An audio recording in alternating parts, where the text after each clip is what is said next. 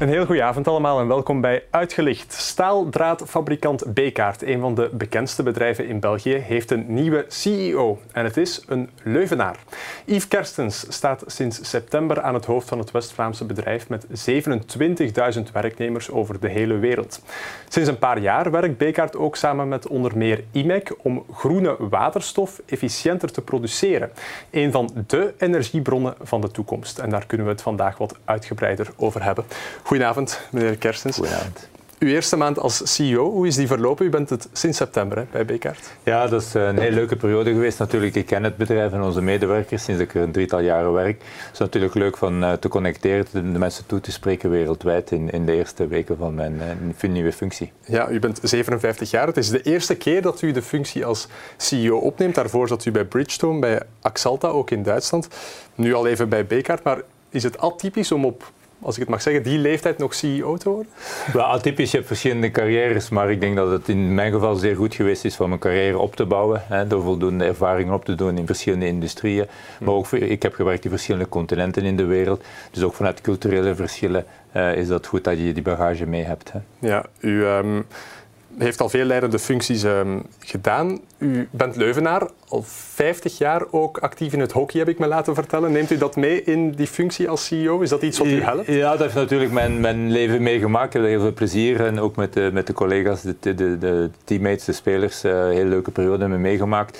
Uh, spijtig genoeg, sinds een jaar vanwege uh, de, de, knieën moeten stoppen met het ja, hockey spelen. Het is belastend, hè, hockey Het is natuurlijk. zeker belastend. Maar je leert er heel veel uit. Hè, hoe dat je samen als een team samen doelen stelt, ze samenwerkt om ze te realiseren. En, en ook hoe dat je mensen moet motiveren en meenemen in verhaal. Ja, want woont u nog in het Leuven eigenlijk? Ja, natuurlijk ben ik heel veel op, op reis. Hè. En ja. uh, eigenlijk uh, natuurlijk ben ik graag terug in Leuven, maar ik spendeer mijn tijd een beetje in België tussen twee locaties, maar ook wereldwijd natuurlijk. Mm -hmm. um, de job als CEO, mensen weten dat misschien niet altijd, maar hoe ziet een dag van een CEO eruit bij Bekaert? Wat doet u vooral? Is dat people management of bent u strategisch aan het denken of hoe ziet dat er precies Ja, als CEO heb je natuurlijk een aantal belangrijke taken. Eén is de strategie uitzetten van het bedrijf, maar ook de organisatie ontwikkelen, de cultuur, de mensen.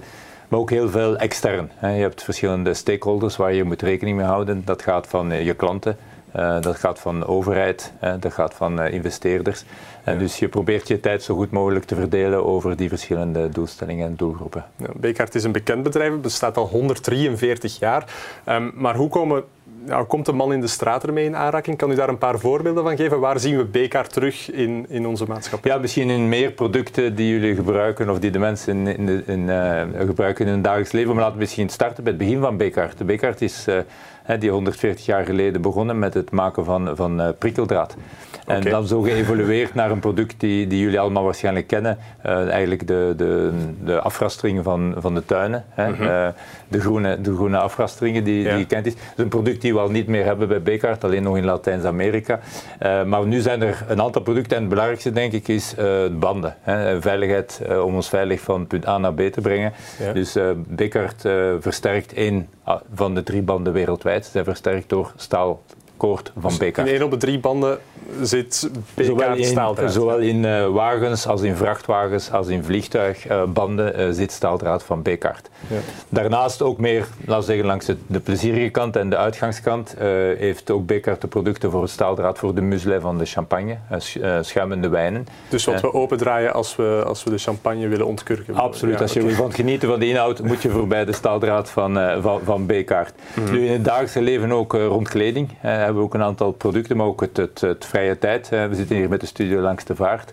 En je, maken wij producten gelijk vishaakjes. Uh, de staaldraad okay. voor vishaakjes. Dus mensen kunnen het op veel plekken tegenkomen. Hè? Je zegt het al, wereldwijd 27.000 mensen werken er voor Bekaert. Um, ja, hoe, man hoe, hoe manage je dat? 27.000 mensen? Je kan ze ja, niet allemaal zien natuurlijk. Absoluut niet, natuurlijk niet. Maar je hebt natuurlijk een, een team, een leiderschapteam. En je hebt een organisatie die gestructureerd is. Um, en, en die natuurlijk heel veel van de belangrijke taken op zich nemen. Maar als leider is het belangrijk dat je het bedrijf uh, vertegenwoordigt. Hè? Het bedrijf vertegenwoordigt naar, naar, naar de markt toe. Uh, naar de investeerders, naar, de, naar, naar de, de maatschappij toe. Maar dat je ook hun gezicht bent. Dus heel veel communiceren met de medewerkers. Ik doe ja. daarvoor wat ze noemen global town hall meetings. Dat zijn calls met de 27.000 mensen. Hun okay. toespreken en een beetje delen waar we voor staan. En heeft u daar stress voor of, of, gaat dat goed? Oh, uh, ja, je wordt dat wel gewoon na ja. ja. Oké, okay, dat begrijp ik. Um, Hoe gaat het eigenlijk met het bedrijf? Want de cijfers zijn bekend. In het eerste halfjaar 2,32 miljard euro omzet, een daling van 8 procent. Een bedrijfswinst van 226 miljoen, een daling van 10 procent. Maar ik laat me vertellen in deze periode dat dat al bij al nog goed meevalt, dat die daling beperkt is gebleven. Ja, dus de, onze producten hè, bevatten heel wat staaldraad. Hè, en de prijs van staal varieert ook, gaat omhoog, omlaag, gelijk benzine, eh, diesel. Mhm. En dus dat beïnvloedt, laat zeggen, onze, onze, onze topline, onze omzetcijfers. Uh, het belangrijkste in zo'n omstandigheid is dat je zorgt dat je een goed winstgevend bedrijf blijft. En, en dat hebben we in de eerste helft van het jaar uh, gedaan. Ja, want wat zijn op dat vlak de grootste uitdagingen voor u? Want het is een cijfer, en dat cijfer heeft u me vooraf verteld, maar ik wil het toch even aanhalen. Bekaart gebruikt 1 zevenduizendste van de industriële elektriciteit. Dus van alle elektriciteit die mhm. gebruikt wordt wereldwijd in de industrie, gebruiken jullie 1 zevenduizendste. Ik kan me inbeelden dat die kost dan ja, dus, uh, het is een belangrijk element. Dus wij, wij maken van een, een, staaldraad van een halve, uh, laat zeggen, een halve centimeter, hè, maken wij verschillende soorten toepassingen. We komen er later even op, op terug.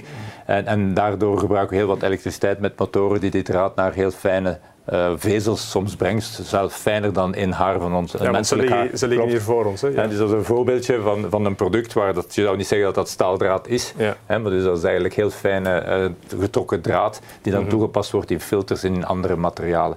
Daarvoor gebruiken we heel wat elektriciteit die we natuurlijk ook uh, vergroenen door in investeringen te doen en ook productieefficiëntie door te voeren. Oké, okay, want waar wil u eigenlijk naartoe als, als CEO? Want we hebben het natuurlijk gezegd, de zaken waar, waar Bekaart in het dagdagelijks leven in voorkomt. Die, die vissershaken, die, uh, die champagne, champagnekurken. Maar het globale, wat is uw Ja, ik heb een aantal producten genoemd die de mensen nu kennen en ja. dagelijks gebruiken. Maar we zitten ook heel, heel wat in hoogtechnologische producten. Hè. Mm -hmm. uh, dus een van onze belangrijkste producten is, is Dramix, uh, waar we eigenlijk uh, het, het verstevigen van, van beton in plaats van laat zeggen, het, het, het stalen netwerk die, die de meeste mensen kennen, mhm. heb je eigenlijk een product gelijk een nietjes, een groot nietje, uh, die we dan mixen met, met, met het beton en dan eigenlijk storten.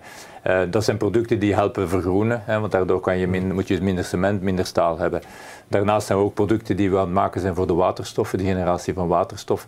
Uh, dat zijn een soort filterpatronen die gebruikt worden in de machines die waterstof produceren. Ja, waterstof, het woord is gevallen, daar wil ik uh, graag naartoe. Sinds 2021 werken jullie samen met IMEC om groene waterstof efficiënter te produceren.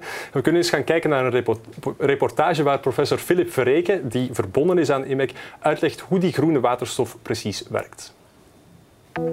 Waterstof wordt gemaakt via een elektrolyseproces. Dus wat er eigenlijk gebeurt, hebben we een elektrolyseur en daar wordt een spanning op gezet. En dus deze watermoleculen gaat gesplit worden in waterstofmoleculen. En dat is eigenlijk omdat er elektronen worden ingeïnjecteerd en gaat eigenlijk die waterstof verwijderen van het water. Met behulp van elektriciteit kan je dus waterstof uit water halen op een milieuvriendelijke manier. Alleen wordt deze methode in de praktijk nauwelijks gebruikt.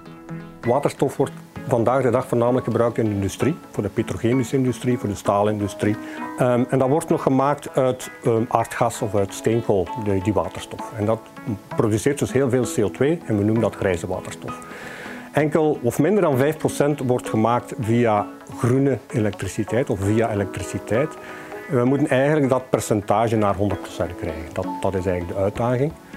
Om dat te bereiken moet de methode efficiënter worden.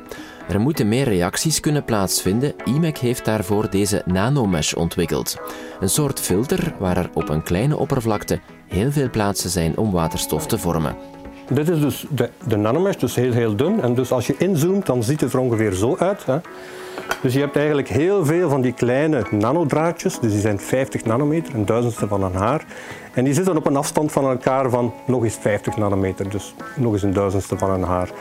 En dat is eigenlijk een afstand die zo klein is dat zelfs licht er niet meer door kan. Maar dat is wel volledig open, dat is nog altijd 75% open, dus evenveel als die andere.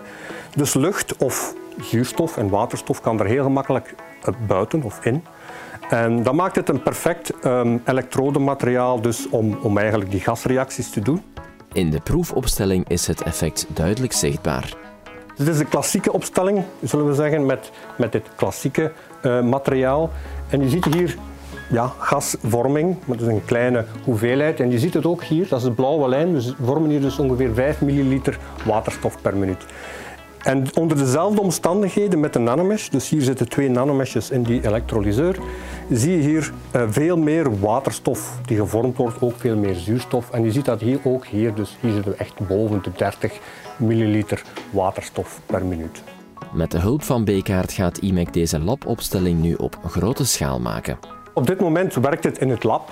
We zijn dat dus aan het opschalen. Nu opschalen, dat kost tijd. Je moet het altijd demonstreren dat het werkt. Dus daar zijn we nu op dit moment mee bezig. Um, en dat is eigenlijk, ja, dat zal, dat zal enkele jaren duren. Ja, het is een hele complexe materie, die waterstof. Maar hoe belangrijk is volgens u die groene waterstof in die hele energietransitie die we Ja, zeer belangrijk. En, en er zijn, eh, we hebben heel wat innoverende nieuwe materialen nodig, nieuwe energiebronnen nodig hè, om, om mhm. te vergroenen. En waterstof uh, wordt vandaag al gebruikt, zoals de professor zei.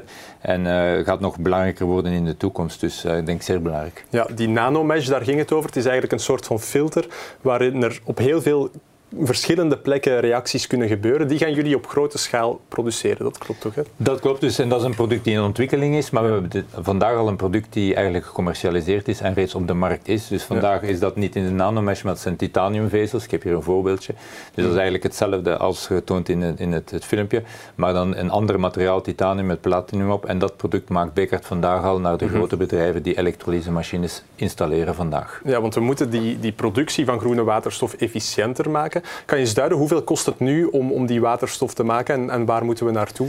Kan je ja, eigenlijk waterstof zou uh, zeggen, competitief moeten zijn met de prijs van uh, gas, olie vandaag. En dan is er uh, lange termijn doelstelling gezet van 1 euro per kilogram waterstof. Hè. Mhm. Vandaag hangt dat af van de 3, 4 euro per kilogram. Okay. Dus we moeten wel nog veel efficiënter worden? Veel efficiënter. Wat is daarvoor belangrijk is de prijs van de energie zelf, van de elektriciteit die gebruikt wordt. Mhm. En ten tweede ook natuurlijk hoe meer dat we de investeringen voor de nieuwe machines kunnen drukken, hoe goedkoper de productie van waterstof ja, En daar zijn jullie dus mee bezig. Um, opnieuw dezelfde vraag, hoe gaan mensen dat zien in hun dagelijkse leven? Of gaat dat vooral in de industrie zijn, die waterstof? Of krijgen we binnenkort ook echt auto's die op waterstof gaan rijden, meer en meer? Ja, de eerste toepassingen, uh, de grootste verbruik zit in de industrie vandaag.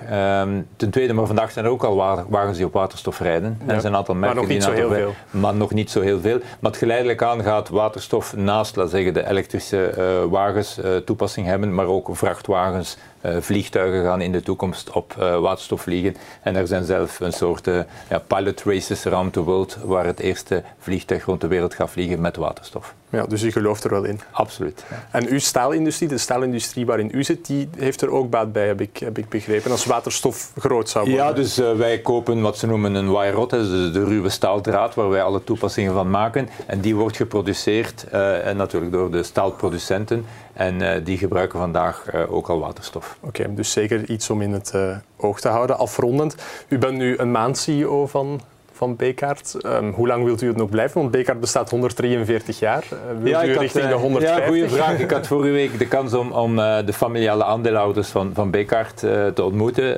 de vijfde generatie van de, de familie Bekaert, die nog referenties aandeelhouder zijn. Ja. En, ehm, dus ja, daar heb ik uitgesproken dat mijn, mijn ambitie is er te zijn als Bekaert 150 jaar wordt. Okay. En ook Bekaert gepositioneerd hebben voor de toekomst.